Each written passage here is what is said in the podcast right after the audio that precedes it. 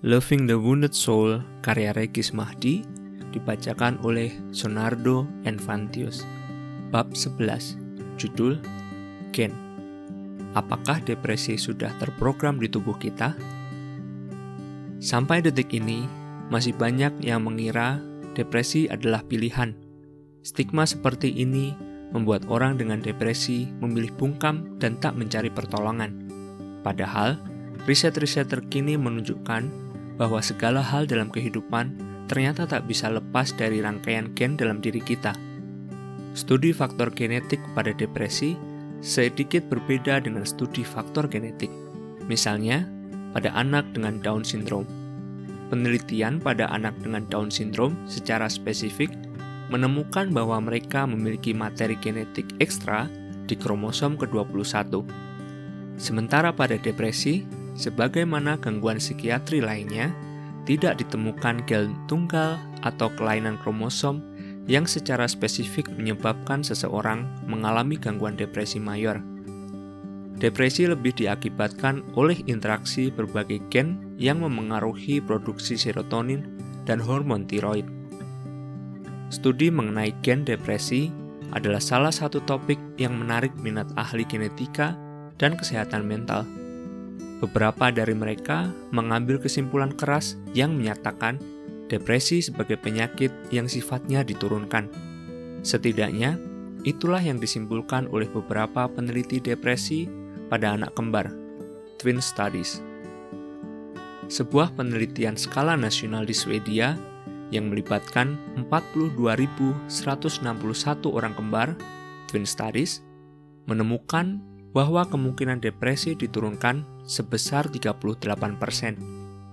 Jika salah satu dari anak kembar depresi, kembarannya juga sangat berisiko mengalami depresi pada fase hidupnya.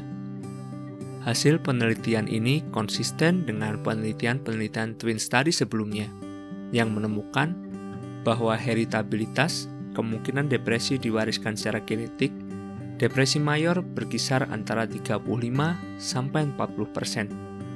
Studi yang dilakukan di Swedia tersebut adalah studi yang diklaim memiliki subjek penelitian anak kembar terbanyak di dunia.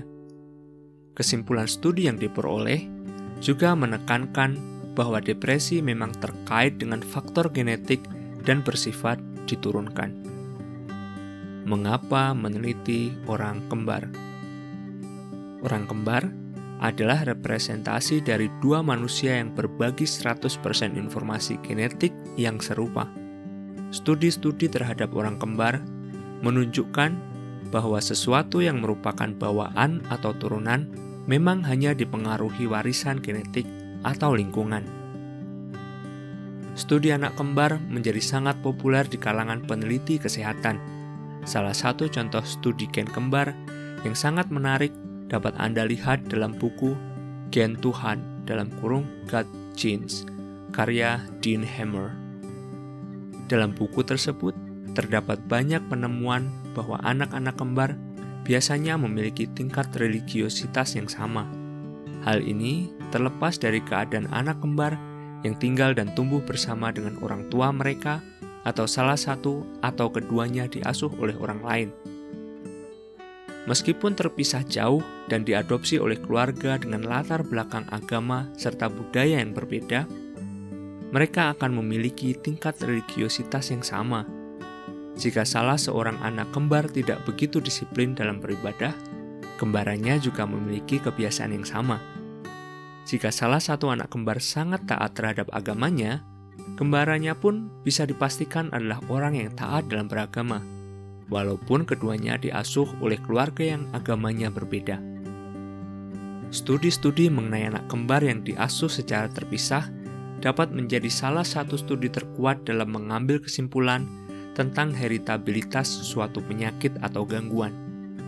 Dalam studi dalam buku Dean Hammer ataupun studi lainnya, ada penjelasan betapa gen memengaruhi segala hal pada diri kita, termasuk tingkat keimanan kecenderungan psikopat, dan bahkan orientasi seksual. Namun, sejauh apa kontribusi gen dan pengaruh lingkungan menyumbang ciri, sifat, atau perilaku tertentu tidak pernah bisa dipastikan. Dalam dunia kesehatan, perdebatan antara faktor bawaan dan faktor lingkungan, nature versus nurture, tidak pernah ada habisnya. Kisah Jim Lewis dan Jim Springer Jim Lewis, seorang anak adopsi, ingin mengetahui asal-usul keluarganya.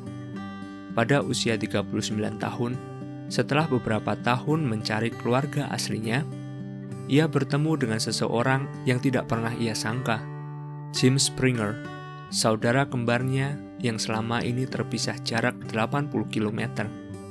Saat itu, Lewis hanya bisa berkata bahwa ia serasa melihat dirinya melalui cermin. Sesudah mereka duduk dan menghabiskan waktu bersama, mereka menyadari bahwa bukan hanya fisik mereka yang serupa, tapi juga hobi, penyakit, dan kebiasaan-kebiasaan kecil. Keduanya suka menggigit jari, mengidap migrain, dan memiliki riwayat tekanan darah tinggi. Merek alkohol favorit mereka adalah Miller Lite, dan merek merokok favorit mereka adalah Salem. Mereka membenci bisbol dan sering meninggalkan pesan cinta tertulis untuk istrinya. Selain itu, rumah yang mereka pilih memiliki taman dan pohon di depan rumah. Secara mengejutkan, mereka membuat kursi melingkar di batang pohon depan rumah mereka. Bahkan, Sewaktu kecil, mereka memiliki anjing yang diberi nama Toy. Mereka berdua memiliki istri dengan nama yang sama, Linda. Keduanya telah bercerai dan menikah lagi dengan seorang wanita yang nama panggilannya serupa, Betty. Lewis memberi nama anak pertamanya James Allen dan Springer memberi nama anaknya James Allen. Hanya berbeda beberapa huruf saja.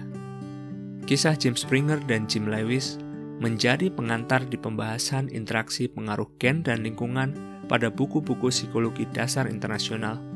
Banyak pertanyaan dari para peneliti mengenai pengaruh gen pada penyakit dan perilaku hingga free will. Mereka bertanya-tanya, apakah benar manusia memiliki kebebasan jika semua pilihan hidup dan penyakit yang kita miliki sudah tertanam di gen kita? Jika semuanya faktor genetik Haruskah kita menyerah? Kisah Jim Lewis dan Jim Springer, serta studi-studi anak kembar lainnya, memaksa kita merenungkan kembali makna dari hidup ini. Kita jadi meyakini bahwa segala hal seolah-olah sudah diatur oleh gen kita. Sepertinya tidak ada lagi yang bisa kita atur sendiri dalam hidup ini. Selain twin studies, ada juga adoption studies untuk melihat sejauh apa pengaruh perilaku orang tua asuh terhadap kesehatan mental anaknya. Adoption studies menjadi lawan dari twin studies, karena pada adoption studies tidak ada hubungan darah sama sekali antara anak adopsi dan orang tua asuhnya. Meskipun belum ada data yang pasti, adoption studies juga membuktikan bahwa jika orang tua asuh mengalami depresi, semakin besar kemungkinan anak adopsinya juga mengembangkan depresi. Hal ini menunjukkan bahwa faktor lingkungan juga berkontribusi atas perkembangan episode depresi pada seorang anak. Kita bisa memaknai kecenderungan kinetik atas depresinya seseorang sebagai ujian dalam hidup ini.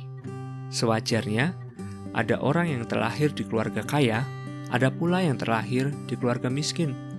Selayaknya ada yang terlahir dengan kekurangan fisik, ada juga yang terlahir dengan lengkap apa pun kondisi bawaan kita, selama ini kita masih bisa bergerak, belajar, dan bersosialisasi. Kita bisa mengubah kerentanan atau kekurangan kita menjadi energi kehidupan. Ada banyak sekali contoh orang-orang yang tidak menyerah terhadap kondisi bawaan mereka dan memutuskan untuk memilih takdirnya sendiri.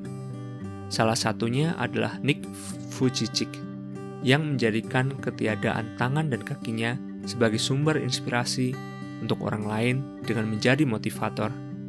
John Nash yang ikut dengan skizofrenia masih bisa meraih penghargaan Nobel di bidang matematika, dan J.K. Rowling menjadikan depresinya sebagai sumber imajinasi dan menciptakan depresi yang ia alami sebagai Dementor, makhluk terbang berjubah hitam yang menyerap kebahagiaan manusia di sekitarnya dalam serial Harry Potter. Dengan segala keterbatasan dalam diri kita, entah itu depresi, fisik tidak sempurna, kanker, dan lain-lain, selama kita bisa mampu berdiri dengan rasional dan masih bisa merasakan kebahagiaan walau sedikit, kita pasti mampu berkarya sebagai manusia. Selalu ada jalan menuju hal-hal baik di dunia ini jika kita mau mengusahakannya.